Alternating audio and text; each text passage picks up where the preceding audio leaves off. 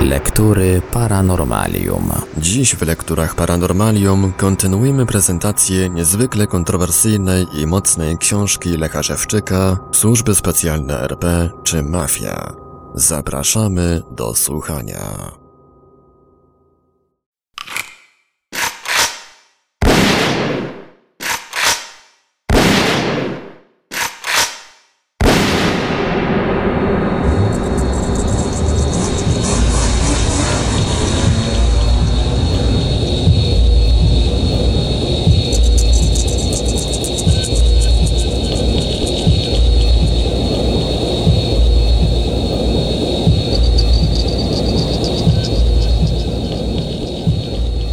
Dnia 10 października 1991 roku po wiadomościach TVP pokazano konferencję prasową ministra spraw wewnętrznych i szefa Urzędu Ochrony Państwa w sprawie afery Żelazo. Teczkę z resztkami akt tej sprawy znalazło nowe kierownictwo MSW i niektóre szczegóły podano do wiadomości publicznej. Przypomnę, że afera żelazo dotyczyła kradzieży i rabunku wartościowych przedmiotów, głównie biżuterii w krajach zachodnich, przez pracowników wywiadu RP. Połowę łupów przekazywano do centrali MSW celem podziału dla przełożonych oraz innych pracowników resortu MSW. Czyli była to podobna działalność, w której wysłużyli się mną oraz zatrudniają świadomych tego pracowników wywiadu RP przebywających w krajach zachodnich. Warto dodać, że w Hamburgu, tam właśnie gdzie miało miejsce najwięcej wydarzeń z afery Żelazo, wywiad RP ma silną grupę pracowników.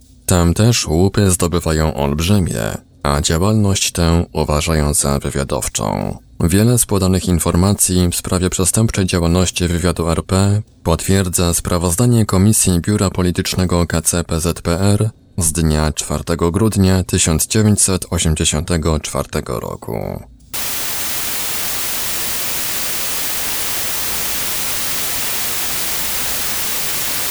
W nawiązaniu do niniejszego sprawozdania można podać, że obecnie za czasów RP jest to ten sam wywiad z tymi samymi ludźmi i z tą samą działalnością przestępczą. Różnica polega tylko na tym, że uprzednio nazywał się Departament I MSW, a po reformie zarządem pierwszym Urzędu Ochrony Państwa. To dlatego też używam stale tej samej nazwy, wywiad RP, aby ktoś nie uległ złudzeniu, że ze zmianą ustroju Polski zrobili się z nich dobrzy ludzie. Wręcz przeciwnie, bo ich poziom moralny znacznie się pogorszył. Można w sprawozdaniu zauważyć, że odnośnie sprawców popełnionych przestępstw używa się nazwy zawodowi gangsterzy, kryminaliści. W rzeczywistości pod tymi określeniami kryją się oficerowie wywiadu RP i są one jak najbardziej trafne. Jakiż bowiem interes mieliby zawodowi zachodni gangsterzy i kryminaliści przekazywać połowę zagarniętych łupów kierownictwu resortu MSW w Polsce? Jest więc tak jak podałem. Zachodni gangsterzy wysługują się pracownikami wywiadu RP przy wykonaniu roboty, dając im w zamian część zagarniętych łupów. Ci z kolei połowę z nich przekazują swoim przełożonym w Polsce. To, że pracownicy wywiadu RP w tak znacznej ilości zagarniają łupy w krajach zachodnich, wcale nie oznacza to, że są w tym tacy dobrzy. Po prostu jest to rekompensata, a raczej dana im możliwość uzyskania wynagrodzenia za pomoc w działalności, której udzielają zachodnim służbom specjalnym operującym na terenie Polski. Łupy z afer typu żelazo oraz szabrowane i kradzione rodakom w Polsce Pracownicy służb specjalnych mieli możliwość spieniężyć dopiero za czasów RP. Dokładniej mówiąc, dopiero gdy zrobili z Polski państwo mafii, korupcji i bezprawia. Na przykład w Gorzowie Wielkopolskim pracownicy wywiadu RP sprzedawali je oficjalnie na rynkach przez około dwa lata. Zakończyli tę sprzedaż w połowie 1992 roku. Jak można zauważyć, sprawozdanie posiada znak tajne, a w rzeczywistości sprawa ta nie ma prawa być tajna. Tak też jak każda inna, gdy dotyczy popełnionych przestępstw. Tam, gdzie są przestępstwa, powinno być przeprowadzone śledztwo, winni ukarani, a szczegóły podane do wiadomości publicznej. Klauzuli tajne nadużywają ludzie władzy, mający się ponad prawem, mogący w ten sposób uniemożliwić dostęp do informacji w sprawach popełnionych przez siebie przestępstw. Tajne to na przykład uzbrojenie posiadane przez wojsko, prace wynalazcze, technologie, dane techniczno-ekonomiczne przedsiębiorstw, a także dane osobowe ludzi. To więc akurat, co w ostatnim czasie dla ludzi związanych z władzą i służbami specjalnymi stało się źródłem olbrzymich łupów.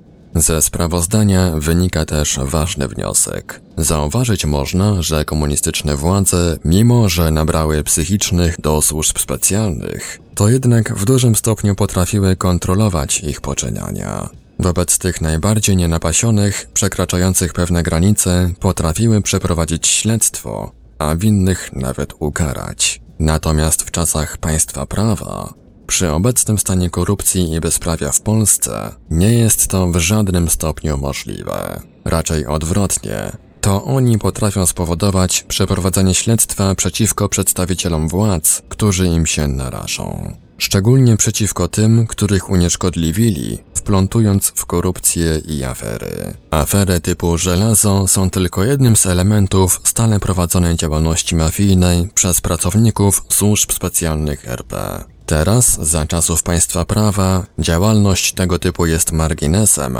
mało liczącą się pozycją w ogólnej ilości zdobytych przez nich łupów. Przekazali ją młodzieży, którą przygotowują na przyszłych polskich gangsterów. Uwolnieni już z jakiejkolwiek kontroli, teraz zajmują się sprzedażą niemowląt do krajów zachodnich, w tym na barbarzyńskie doświadczenia medyczne i eksperymenty genetyczne. Również trudnią się przemytem, sprzedażą dzieci i młodzieży do zachodnich domów publicznych i na dawców organów wewnętrznych do przeszczepów. Ponadto olbrzymie łupy uzyskują z grabieży i wyprzedaży Polski, czyli ogólnie mówiąc przeszli na eksploatowanie i mordowanie swojego narodu i kraju. W czasie wspomnianej konferencji prasowej obaj ministrowie obiecali, że w sprawie afery żelazo nie będzie żadnego tabu, że szczegóły zostaną zbadane i podane do wiadomości publicznej. Prawda jednak okazała się inna.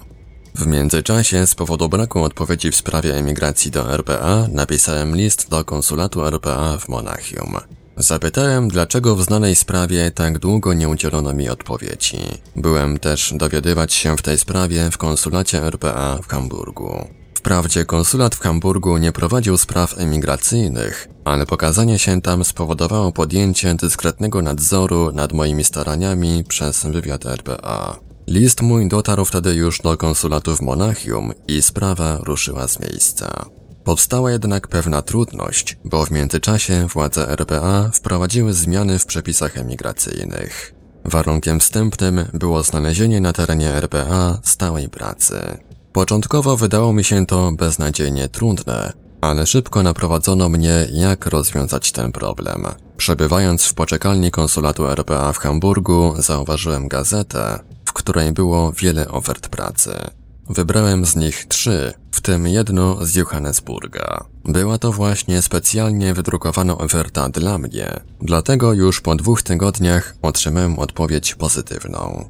W konsulacie więc mogli na tej podstawie przeprowadzić postępowanie emigracyjne. W obawie, że firma ta nie zechce czekać na mnie kilka miesięcy i wycofa się z oferty, postanowiłem na wszelki wypadek szukać następnych. Co kilka więc dni chodziłem do konsulatu w poszukiwaniu nowych gazet z ofertami pracy. Łącznie wysłałem kilkadziesiąt listów do ogłaszających się firm, ale wszystkie już odpowiedzi były negatywne. Przeważnie właśnie z uwagi na odległy, a nawet niemożliwy do określenia termin przyjazdu i podjęcia pracy.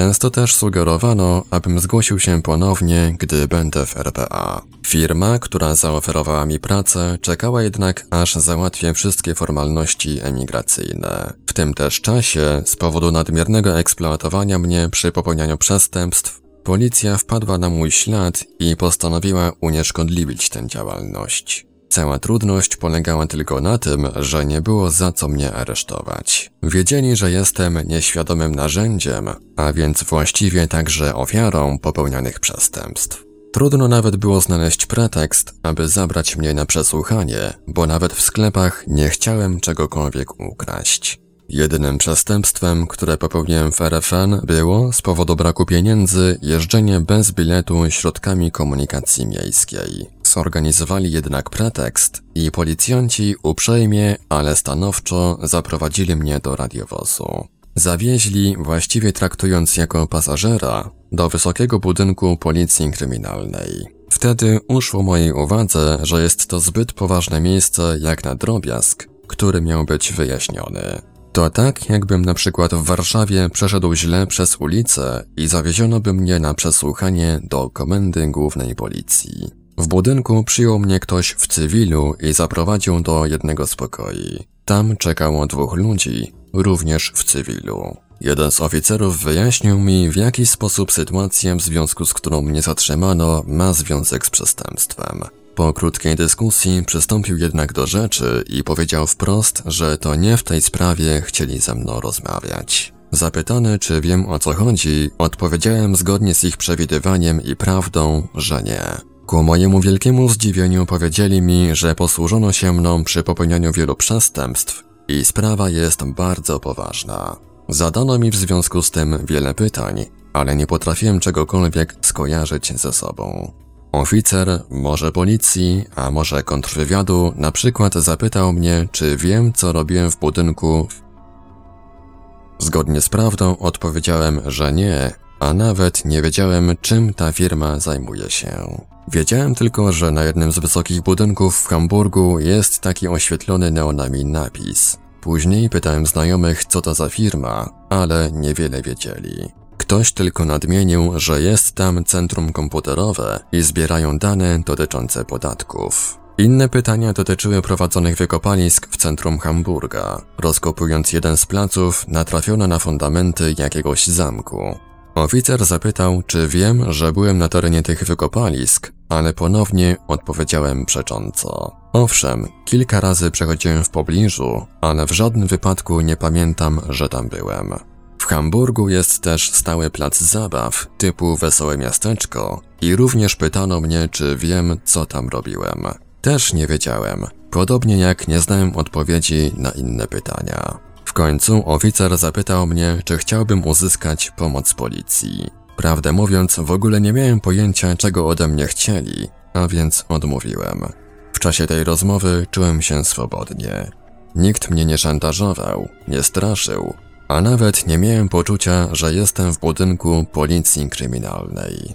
Starałem się jednak zrozumieć, do czego zmierzają, czego ode mnie chcą. Wniosek, który mi się nasunął, wprowadził mnie w niepokój. Zacząłem podejrzewać, że policja chce mnie wrobić w jakieś przestępstwo, zrobić ze mnie kozła ofiarnego i pójdę za kogoś na wiele lat do więzienia. Właśnie skutkiem źle zrozumianej sytuacji odmówiłem przyjęcia pomocy policji, chociaż, jak dowiedziałem się nieco później, była mi coraz bardziej potrzebna. Wkrótce przesłuchanie zmieniło się w swobodną dyskusję na mniej oficjalne tematy i powiedzieli, że mogę pójść. W drodze do miejsca zamieszkania pomyślałem, że trzeba jak najszybciej wyemigrować, bo może stać się coś bardzo złego. Kilka tygodni później, gdy siedziałem na ławce przy asfaltowej ścieżce, zatrzymał się przy mnie radiowóz policyjny. Zaniepokoiłem się, że znów wezmą mnie na niezrozumiałe dla mnie przesłuchanie, ale stało się inaczej. Uśmiechnięty policjant wychylił się przez okno radiowozu i zapytał, czy zastanowił się pan i chce pomocy policji? Przypuszczałem, że pyta mnie dlatego, bo chcę wiedzieć, czy w owej chwili mam jakieś kłopoty wymagające interwencji policji. W okolicy było spokojnie, czułem się bezpiecznie, a więc ponownie, drugi już raz odmówiłem. Radiowóz pojechał, a ja straciłem następną szansę uwolnienia się od eksploatacji i wyzysku. Gdyby jednak teraz policja RFN chciała wyjaśnić te sprawy lub udzielić w związku z nimi pomocy, to bez wahania zgodzę się. Eksploatujące mnie spółce zrobiło się więc niebezpiecznie. Bali się, że policja wytłumaczy mi, w jaki sposób jestem eksploatowany, a ja wtedy zgodzę się zeznawać przeciwko nim. Przestali więc hamować mój wyjazd do RPA, ale za to poczynili innego charakteru działania. Po prostu postanowili pozbyć się niebezpiecznego już narzędzia i zamordować mnie. Zapamiętałem kilka z przeprowadzonych w tym celu działań, ale przypuszczam, że było ich więcej. Któregoś dnia, po zjedzeniu porcji kurczaka w jednym z imbisów, krótko po wyjściu poczułem silny ból żołądka. Usiadłem więc na ławce mijanego skweru, aby przeczekać atak bólu. Wezwać pogotowie ratunkowe nawet nie przyszło mi na myśl. Podejrzewać, że ktoś miałby powód, aby pozbawić mnie życia, że zaaplikował truciznę, było mi bardzo daleko. Przypuszczałem, że któraś z przypraw kurczaka spowodowała bóle, które po chwili ustąpią. Ponadto byłem już w Polsce tak uwarunkowany, zaprogramowany, aby nie korzystać z pomocy lekarskiej. Zrobili to w obawie, że lekarze w czasie badań mogą wykryć skutki uprawienia na mnie barbarzyństwa. Ponadto zrobili to również na okoliczność pozbawienia mnie życia. W pewnym momencie, mimo silnego bólu, zasnąłem. Gdy obudziłem się, jak mi się zdawało po chwili, z ulgą stwierdziłem, że nic mi już nie dolega. Dowiedziałem się w RPA, że nagłe zaśnięcie było wprowadzeniem w hipnozę i w czasie transu wyczyszczono mnie z trucizny, podano środek przeciwbólowy i posadzono w tym samym miejscu na ławce. Przeprowadzenie tych czynności w sposób jawny wymagałoby poczynienia wyjaśnień. Śledztwa w sprawie usiłowania morderstwa. Ci więc, którzy bali się konsekwencji, załatwili, że przeprowadzono to w taki właśnie sposób. Niewiele później dwóch Polaków namówiło mnie na wspólny lunch. Zgodziłem się niechętnie, bo nie stać było mnie na żywienie w imbisach. Wybrali do tego położony u podnóża dużego parku imbis. Weszliśmy do wnętrza i po kupieniu wybranych potraw usiedliśmy przy stoliku.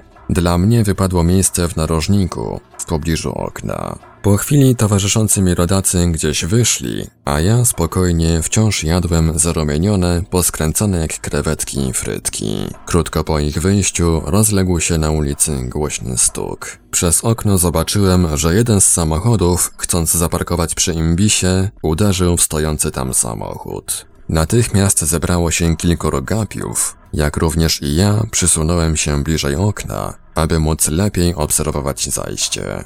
Ciekawy byłem, jak szybko przyjęcie policja. Ku mojemu zdziwieniu szybko zjechało się na syrenach kilka radiowozów, przy czym pierwszy był przed upływem dwóch minut. Policjanci wyszli z radiowozów i rozeszli się w pobliżu. Bez pośpiechu oglądali uszkodzone samochody i dyskutowali. Wkrótce zajście to przestało mnie interesować, a więc dojadłem frytki i poszedłem. Zdarzenie to jednak nie było przypadkowe. Zorganizowali je agenci policji, aby w naturalny sposób, niby przypadkiem, ściągnąć świadków i policjantów przed imbis. To właśnie jeden z obserwujących mnie agentów, wiedząc co ma nastąpić, celowo potrącił zaparkowany przed imbisem samochód. W ten sposób uniemożliwił pracownikom wywiadu RP realizację przygotowanego na mnie zamachu.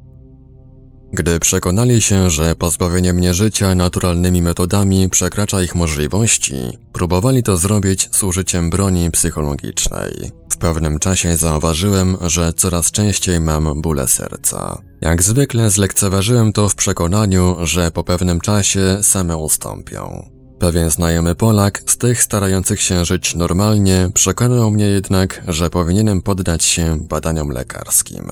Zaprowadził mnie nawet do lekarza, z którego porad i leczenia sam korzystał. Lekarz ten po wstępnych badaniach polecił pielęgniarce zrobić mi EKG. Po odczytaniu zapisu wykonałem kilkanaście przysiadów i badanie powtórzono. Następnie lekarz przeanalizował uważnie oba zapisy i stwierdził, że nie pamięta, czy kiedykolwiek widział tak dobre EKG. Dodał przy tym, że zachowa ten zapis na wzór. Czując się jak symulant, któremu lekarz udowodnił oszustwo, opuściłem gabinet. Zrozumiałem dopiero w RPA, że ktoś ponownie, w niezrozumiały wtedy dla mnie sposób, uratował mi życie. Dowiedziałem się przy tym, że to pracownicy wywiadu RP z użyciem broni psychologicznej wywołali mi zaburzenia pracy serca, aby za którymś razem spowodować zgon. Metodą tą można spowodować zgon natychmiast, ale mordercy zwykle przez pewien czas powodują tylko objawy choroby. W taki sposób rodzina i znajomi nie są zdziwieni, gdy nastąpi nagły zgon, bo wiedzą, że zmarły przecież skarżył się na bóle serca lub inne. Takimi właśnie metodami pracownicy służb specjalnych RP powodują nagłe zgony ludziom, przeszkadzającym im w prowadzeniu działalności mafijnej lub tym, którzy według nich żyją już zbyt długo. Często powodują w tych samych celach zgon poprzez spowodowanie wylewu krwi do mózgu. W przypadku mnie ktoś im w tym przeszkodził. Tą samą metodą, którą pracownicy wywiadu RP spowodowali mi zakłócenie pracy serca, wyregulowali jego pracę do poziomu wzorcowego. Człowiek z takim EKG przecież nie może umrzeć na serce, a przynajmniej nie w RFN.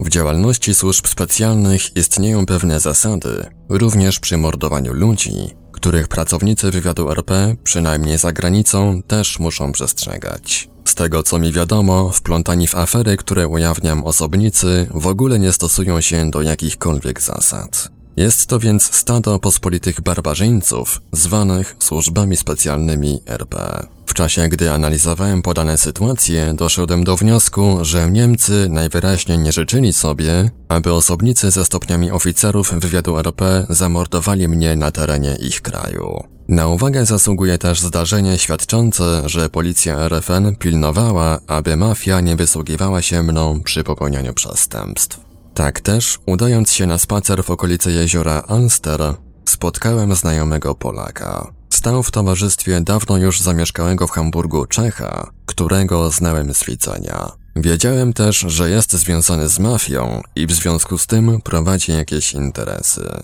Powiedzieli, że wybierają się w tym samym kierunku, a więc na propozycję podwiezienia chętnie przystałem. Wsiedliśmy do samochodu Czecha i już po krótkiej chwili ukazał się za nami policyjny radiowóz. Czech zobaczył go w lusterku i jakby zaniepokojony bardziej obrał kierunek na jezioro Alster. W okolicy Małego Alsteru, na kilkupasmowej jezdni, radiowóz zrównał się z nami i policjant przez okno stanowczym głosem ostrzegł Czecha. Nie próbujcie go gdzieś wywozić, bo zaraz się wami zajmiemy. Czech na to pokręcił zmieszane głową i powiedział Nie, nic nie zamierzamy, zaraz go wysadzimy. Radiowóz zwolnił, ale po chwili znów zbliżył się do nas i policjant powtórzył ostrzeżenie. Wypuść go natychmiast. Jadący z nami Polak zapytał Czecha. Co oni chcą? A nic. Chodzi im o niego. Trzeba go wysadzić. Odpowiedział Czech, wskazując na mnie. Dla mnie sytuacja ta była znów zwykłym przypadkiem.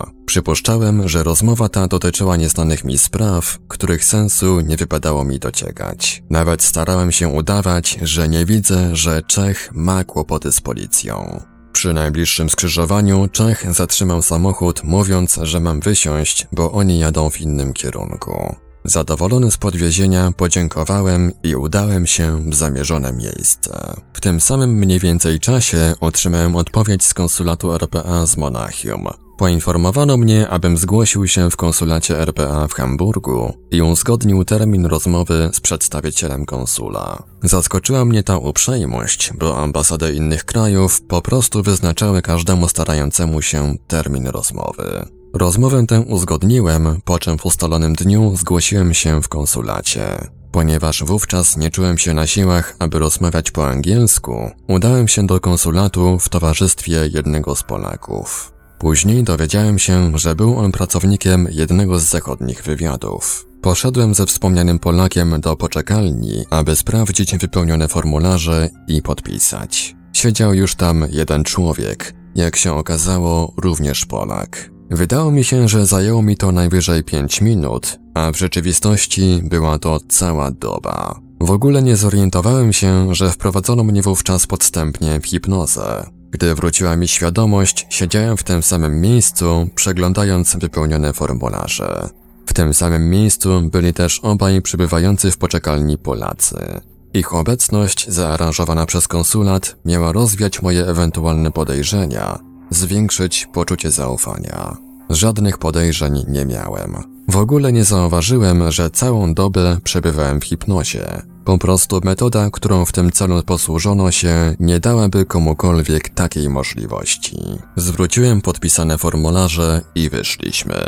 W drodze powrotnej miałem dobry nastrój i samopoczucie. Byłem podświadomie przekonany, że wypadłem pozytywnie i wyjazd do RPA stał się realny. Przypadek podstępnego wprowadzenia mnie w konsulacie w hipnozę był jednym z niewielu, które mogę uznać za usprawiedliwione. Jeżeli bowiem ktoś wpuszcza mnie do swojego kraju, to ma prawo wiedzieć, czy nie mam wobec tego kraju złych zamiarów. Ma prawo wiedzieć, czy ktoś nie wysyła mnie do RPA jako swojego agenta celem prowadzenia działalności przeciwko temu krajowi. W hipnozie właśnie najłatwiej i najszybciej da się tego dowiedzieć. W przybliżeniu rok wcześniej władze RPA przyjęły z Australii około 3000 Polaków. Wszyscy również byli dokładnie sprawdzeni i nie wydaje się możliwe, aby w grupie tej był chociaż jeden pracownik wywiadu RP. Przypuszczam, że po nawiązaniu stosunków dyplomatycznych Polski z RPA dokonano wymiany pracowników wywiadu. Jak łatwo przewidzieć, głównie celem prowadzenia działalności mafijnej, kosztem Polaków i Polski. Gdy byłem już po rozmowie w konsulacie RPA, dostałem wezwanie z Cindorfu na przesłuchanie w związku ze złożonym podaniem o azyl w RFN. Takie wezwanie otrzymał każdy ubiegający się o azyl. Wszyscy więc, którzy chcieli zostać w RFN lub emigrować do innego kraju. Złożenie podania o azyl było warunkiem koniecznym dla uzyskania pomocy socjalnej i pozwolenia na pobyt w RFN. Azyl jednak przyznawano w nielicznych tylko przypadkach, bodajże dla około 1% ubiegających się. W Cindorfie mieściło się biuro, do którego napływały wszystkie informacje na temat ubiegających się o azyl. Gdy teczka była gotowa, wzywano każdego na przesłuchanie. To, co opowiadał przesłuchiwany, nie miało znaczenia. Liczyły się informacje zebrane w teczce przez odpowiednie służby RFN. Zwykle w czasie tego przesłuchania przesłuchujący przeglądał teczkę ubiegającego się o azyl, na przykład pracownika wywiadu RP i uśmiechał się, gdy ten opowiadał mu o prześladowaniach go w Polsce. Wezwania do Cindorfu przychodziły przeważnie już przed upływem roku, a co najwyżej kilka tygodni później. Moje przyszło wyjątkowo późno, bo po upływie 22 miesięcy od daty złożenia podania. W związku z tym, że niedługo mogłem dostać pozwolenie na wyjazd do RPA, nie chciałem robić ludziom w Cindorfie kłopotu, a więc zwróciłem się listownie, aby przesunięto termin przesłuchania. Sytuacja stała się dla mnie niezręczna, bo z czegoś musiałem zrezygnować. Uznałem jednak, że większą mam szansę na wyjazd do RPA niż zostać w RFN. Postanowiłem więc uzyskać przesunięcie terminu przesłuchania w Cindorfie do czasu, aż dostanę odpowiedź z konsulatu RPA. Gdyby była odmowa, wtedy będę kontynuował starania azylowe. Tym sposobem nie stracę żadnej z obu szans uzyskania prawa stałego pobytu oraz innych z tym związanych praw. Krótko po wysłaniu listu do Cindorfu dostałem pozytywną odpowiedź z konsulatu RPA i niewiele później ponowne wezwanie do Cindorfu. Sytuację miałem już wyjaśnioną, a więc uważałem, że nie ma już sensu tam jechać. W listownej odpowiedzi poinformowałem, że nie zgłoszę się na przesłuchanie, bo wkrótce wyjeżdżam do RPA. Jak z uzyskanych później informacji wynika, w związku z eksploatowaniem mnie w Polsce, łamaniem moich praw człowieka, prawdopodobnie dostałbym azyl. Gdyby tak się stało, miałbym pełne prawa obywatelskie, podobnie do obywateli RFN, a więc i podobną ochronę władz. Tym, którzy mnie eksploatowali, bardzo by to utrudniło działalność, a może w ogóle nie byłoby to możliwe. Załatwili więc, aby postępowanie z moją sprawą azylową trwało możliwie najdłużej. Wezwanie na przesłuchanie w tej sprawie dostałem przez to dopiero po 22 miesiącach, gdy już było wiadomo, że wkrótce wyjadę do RPA. Krótko przed tym wyjazdem, gdy stałem we wnęce sklepu z materiałami technicznymi, zatrzymał się przy mnie czarnego koloru sportowy samochód. Był to jeden z tych robionych na zamówienie, z silnikiem kilkaset kilowatów, pracującym niskim basem. Samochód, na który stać jest tylko bardzo bogatych ludzi.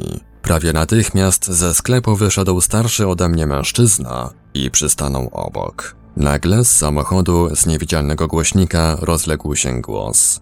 Chodź do nas, porozmawiamy. Nawet przez myśl mi nie przeszło, że słowa te zwrócone były do mnie, dlatego ich sens w ogóle mnie nie zainteresował. Prędzej uznałbym, że ktoś w samochodzie przypadkowo włączył głośnik i część rozmowy uszła na zewnątrz. Stałem jak zwykle, ubrany w skromne, przyniszczone ubranie. I któż mógłby mnie zapraszać do takiego aż samochodu?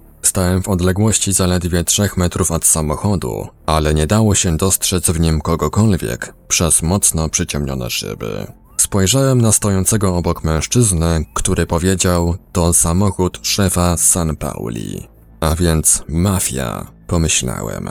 San Pauli jest bowiem dzielnicą domów rozpusty, hazardu oraz innych mafijnych interesów. Po chwili znów z głośnika usłyszałem zdanie: Pośpiesz się, bo nie możemy tu stać. Zaraz po tym, widząc, że nie reaguje, samochód odjechał. Prawdopodobnie chcieli zaproponować, abym zamiast wyjeżdżać do RPA, przyłączył się do nich.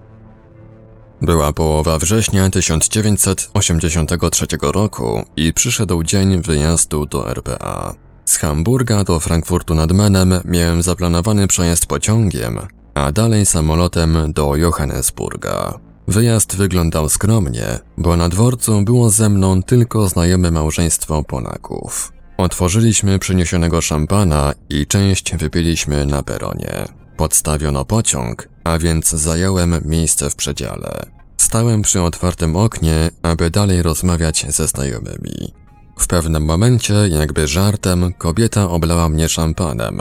Byłem na nią przez to zły, ale przyjąłem to jako żart. Chciałem być czysty, bo czekała mnie długa podróż, a już na wstępie poplawiony zostałem szampanem. Wkrótce pociąg ruszył i szybko straciliśmy się z oczu. W kieszeni miałem tylko 30 randów, wymienionych z marek RFN. Pieniądze te zaoszczędziłem z pomocy socjalnej otrzymanej w ostatnim miesiącu pobytu w RFN. Resztę pieniędzy, około 500 marek niemieckich, które miałem uskładane również z pomocy socjalnej i kilku dni pracy w RFN, ukradli mi oficerowie wywiadu RP. Uznali, że każdy łup ze mnie trzeba brać, a ponadto chcieli w ten sposób zmniejszyć moją szansę przeżycia. Byli pewni, że bez pieniędzy oraz jakiejkolwiek pomocy i ochrony szybko zniknę w RPA bez śladu. Pieniądze te ukradli mi na kilka tygodni przed wyjazdem do RPA. Ci sami oficerowie wywiadu RP w przekonaniu, że tym razem skazali mnie na pewną śmierć, zrobili gest spełnienia ostatniej woli skazańca. Zrobili to na ironię, dla zakpienia zeksploatowanego i poniewieranego człowieka. Uznali w tym geście, że moją ostatnią wolą będzie chęć intymnego spędzenia czasu z kobietą. Takie są zasady obowiązujące w świecie mafii. Przed zamordowaniem kogoś pozwala mu się na przyjemność. Zwykle jest to właśnie stosunek. Zorganizowali to chyba również dla zachowania pozorów przed Niemcami, że przestrzegają mafijne zasady. Wypełnienie mojej ostatniej woli odbyło się w sposób naturalny, bez widocznych wpływów innych osób. Tyle, że naprowadzili mnie na jedno ze swoich pracownic i nie przeszkadzali czuć się swobodnie. W przeciwieństwie do innych podobnych moich starań, które zawsze i wściekle udaremniali. Pracownica ta wykonywała w tym czasie pewne zadanie. Udawała narzeczoną zasobnego w pieniądze Niemca, aby wyłudzić ich znaczną część. Naciąganie bogatych ludzi na zachodzie przez pracowników wywiadu RP jest jednym z ich rutynowych działań wywiadowczych. Większą część zdobytych w ten sposób łupów przekazują do podziału swoim przełożonym. Po kilku dniach znów spotkałem tę pracownicę, ale jej nastrój uległ wyraźnej zmianie. Dowiedziała się już, że jej przełożeni użyli jej dla wypełnienia ostatniej woli skazańca i była mocno zła. Po pewnym czasie ja dowiedziałem się, z jakiego powodu spotkało mnie takie szczęście. Na ironię zgotowanego mi losu mógłbym rzec, ale mi się udało, bo to aż drugi raz w czasie dwóch lat pobytu w RFN. Pierwszy raz oficerowie wywiadu RP pozwolili mi na taki luksus, bo chcieli przy tym trochę zarobić. Jeden z ich pracowników poznał mnie z kobietą, Polką, którą śledził prywatny detektyw.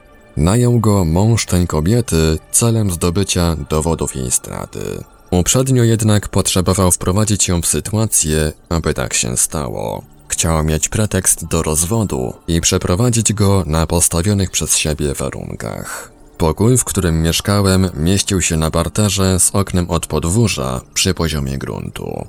Detektyw zrobił zdjęcia przez szczelinę w zbyt wąskich zasłonach. Wkrótce dowiedziałem się też, co znaczyło oblanie mnie szampanem na dworcu w Hamburgu. To pracownicy wywiadu RP posłużyli się moją znajomą, aby ta ochrzciła jako matka chrzestna ich okręt, wypływający w najbardziej dla nich nieznaną i niebezpieczną strefę.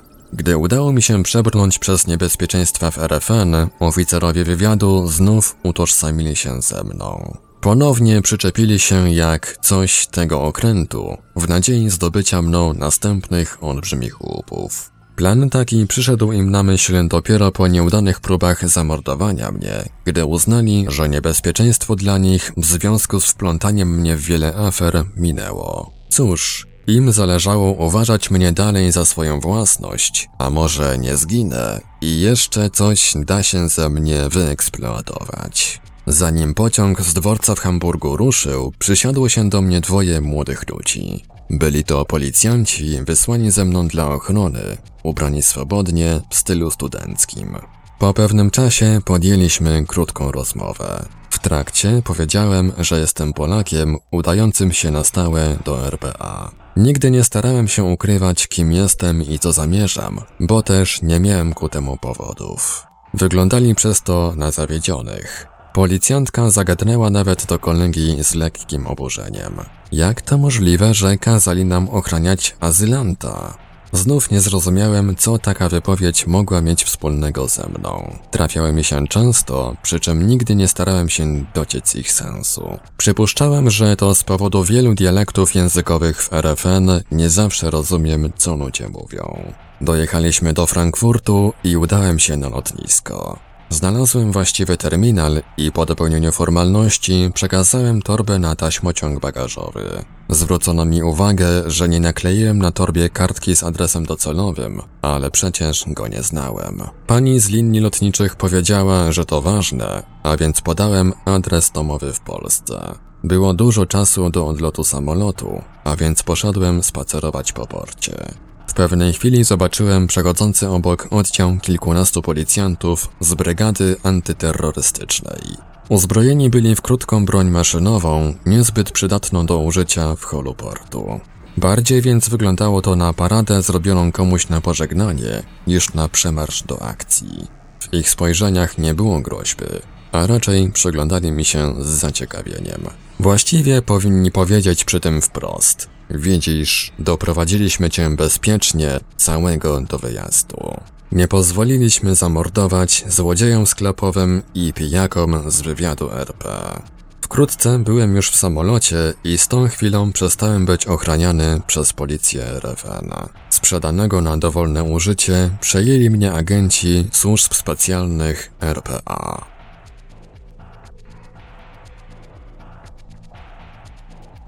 Rozdział szósty. W bazie szkoleniowej koło B. W krótkim czasie stałem się jakby innym człowiekiem. Spadła ze mnie ciemnota nałożona mi w Polsce przez chciwych, nienapasionych, pozbawionych skrupułów ludzi. Przestałem już być naiwniakiem, dla którego życie składało się z szeregu przypadkowych zdarzeń. Od tego czasu wszystkie dawane mi przestrogi i pouczenia traktowałem bardzo poważnie. Podświadomie czułem, że uwagi te są bardzo ważne i w przyszłości zlekceważenie ich mogę przypłacić życiem. Przede wszystkim miałem przestać wierzyć w przypadki, bo dla agentów, a w szczególności dla mnie, niewiele dzieje się przypadkiem. Zapamiętałem, że nawet gdyby coś rzeczywiście wyglądało na przypadek, to też zdarzenie to trzeba potraktować, jakby zostało przez kogoś zaplanowane. W ten sposób mniejsza jest szansa na popełnienie błędu. Z podsumowania odblokowanej mi wyuczonej uprzednio wiedzy wynikało, że potrafię dobrze posłużyć się różną bronią oraz skutecznie zaatakować i obronić się przed atakiem. Natomiast niewiele wiedziałem, jak zakłada się pułapki, organizuje zamachy w sposób, aby powstałe zdarzenie wyglądało na przypadek. Niewiele też wiedziałem, jak wprowadza się ludzi w kompromitujące sytuacje oraz preparuje fałszywe dowody. Tak właśnie chcieli eksploatujący mnie pracownicy służb specjalnych RP. Nauczyli mnie, jak atakować, wyłamywać się wycofywać z miejsca przestępstwa, aby zdobyć dla nich łupy. Natomiast gdyby chcieli kompromitować mnie, fałszywie oskarżyć lub zamordować, to miałem być całkowicie bezbronny. Na ich duży kłopot wiedzę tę w dostatecznym stopniu uzupełniłem w RPA. W czasie szkolenia agenta ważną czynnością jest ustalenie jego cech osobowych. Trzeba bowiem wiedzieć, jak zachowa się w różnych sytuacjach, a szczególnie w trudnych i niebezpiecznych. Na tej podstawie dobiera się później agentów celem wykonania przez nich konkretnego zadania. Cechy osobowe i stan psychiczny agenta ustala się na podstawie analizy wyników przeprowadzonych mu testów. Część testów przeprowadza się jawnie, z użyciem odpowiednich przyrządów oraz przez rozwiązywanie rebusów, układanek, analizy sytuacji i zadanych ćwiczeń myślowych. Główną część testów przeprowadza się jednak w sposób, że testowany nie jest tego świadomy. Zakres trudności przeprowadzonych testów zależy od stopnia szkolenia agenta. Testowanie mnie zaczęło się już od pierwszych dni mojego pobytu w RPA. Ustawili mi sztucznie różne sytuacje, które filmowali, a następnie analizowali wyniki. Testujących interesowało dosłownie wszystko. Jak reaguję na prowokacje, niebezpieczeństwo, czy pomogę, gdy ktoś tego potrzebuje, czy zwrócę znalezione pieniądze, jak się ubieram, co i jak jem, ile razy dziennie myję się, jak reaguję na śmieci, brudny obrus, inaczej zachowujących się ludzi, czym się interesuję, Jakie sylwetki samochodów podobają mi się? Wystroje pomieszczeń, kolorystyka, fasony i style mebli. Na jakie cechy osobowości i urody zwracam uwagę u kobiet? Jak zachowam się w nieprzyjaznym mi środowisku? Oraz jakie jest moje zachowanie i reakcja na wiele innych sytuacji w życiu codziennym. Gdy ktoś nie wie, że jest testowany oraz jak mają się poszczególne reakcje i zachowania do wyników testów, wtedy czynności te prowadzi się łatwo. Tak właśnie było przy testowaniu mnie, bo skąd mogłem wiedzieć, że dla ustalenia osobowości istotne jest na przykład jakiego koloru i kształtu jabłka wybiorę w sklepie. Również czy wolę jeść udo od kurczaka czy pierś. W Polsce przecież pracownicy pilnowali mnie, abym w najmniejszym choćby stopniu nie dotarł do informacji związanych z działalnością służb specjalnych. Wystarczyło więc ustawić mi dowolną sytuację, a nie zdając sobie sprawy, że jest to test, zawsze zachowałem się naturalnie. W celu przeprowadzenia potrzebnych testów są opracowane konkretne sytuacje, w których biorą udział wyszkoleni do tego agenci. Na przykład w miejscu publicznym grupa ludzi zachowuje się wobec testowanego lekceważąco, prowokuje go do agresji czy napada na niego. Natomiast testujący filmują zajście, po czym analizują reakcję testowanego. Inne przykłady. Ktoś wzywa pomocy, na przykład udaje, że zasłabł, topi się, jest ofiarą napadu itd. Tak w sytuacji tej obserwuje się zachowanie testowanego, a więc czy udzieli lub nie pomocy, a jeśli tak, to w jaki sposób to zrobi. Jednym z najważniejszych testów jest ustalenie zachowania testowanego wobec kobiet. W tym celu, w pobliżu testowanego, oprócz przypadkowo przybywających kobiet, umieszcza się odpowiednio dobrane agentki. Można tak w całym zakresie stwierdzić, jak zachowa się testowany wobec poszczególnych typów urody, wieku i charakteru kobiet. Mogą to być kobiety wulgarne, z psychopatycznym lub lubieżnym wyglądem, jak również uczuciowe, sympatyczne, inteligentne. Ustali się wtedy, które cechy osobowe oraz urody podobają się testowanemu, a które go drażnią. Sytuacje takie organizuje się w miejscu pracy, zamieszkania, hotelu, sklepie, na ulicy, dyskotece itd. Tak Zarówno w tej kwestii, jak i wielu innych przetestowali mnie bardzo dokładnie. Wiele testów przeprowadzili mnie w hipnozie, szczególnie dla sytuacji, które byłyby bardzo trudne lub niemożliwe ustalić w sposób naturalny. Na przykład, czy uratuje topiące się dziecko lub wyniosę rannych z płonącego budynku. Jest to dobra metoda na ustalenie cech psychicznych i osobowości, gdyż w hipnozie można łatwo ustawić dowolną sytuację, a przy tym testowany nie ma możliwości dokonania manipulacji. Przeprowadza się to w ten sposób, że po wprowadzeniu testowanego w hipnozę sugeruje mu się, że jest w konkretnej sytuacji oraz, że może zachowywać się swobodnie, bo nikt go nie widzi, nie słyszy i że jest ponad prawem. Szczególnie więc łatwo tą metodą określa się odchylenia i zwyrodnienia psychiczne, w tym skłonności do mordowania, sadyzmu i uprawiania spoczeń. Jest to właśnie najbardziej ważna grupa testów robionych w celu wyeliminowania jako agentów osobników psychicznie chorych. W rzeczywistości są tacy w służbach specjalnych każdego kraju, również w RPA i Polsce. Szczególnie mocno zwyrodnienia te dotyczą pracowników służb specjalnych RP, wplątanych w afery, które ujawniam. Obecnie dostają się oni do służb specjalnych RP na skutek korupcji oraz mafijnych i rodzinnych powiązań. Niektórzy nawet zaszli bardzo wysoko.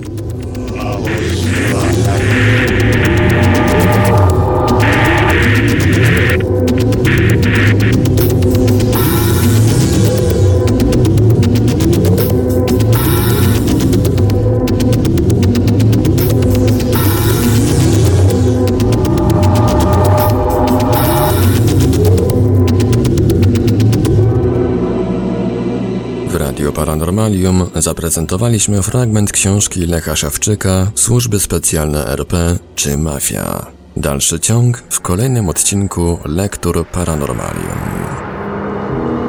Archiwalne odcinki Lektur Paranormalium znajdziesz do pobrania w archiwum naszego radia na stronie www.paranormalium.pl.